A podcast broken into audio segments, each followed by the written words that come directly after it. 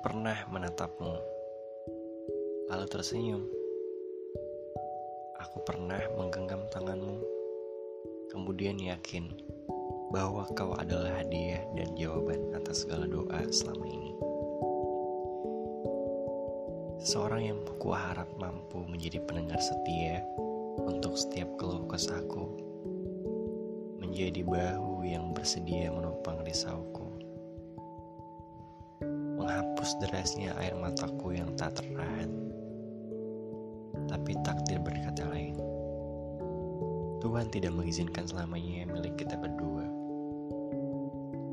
Pada akhirnya, hati yang kau bawa dengan cara yang begitu sempurna dan keyakinan tentang perasaan yang sama mendorongku untuk begitu mudah menyerahkan seluruhku. Kenyamanan dan kepedulian yang kau berikan mampu membuatku untuk menaruh harapan. Hingga akhirnya, cerita tentang masa depan yang pernah kita rencanakan harus kukubur dalam-dalam.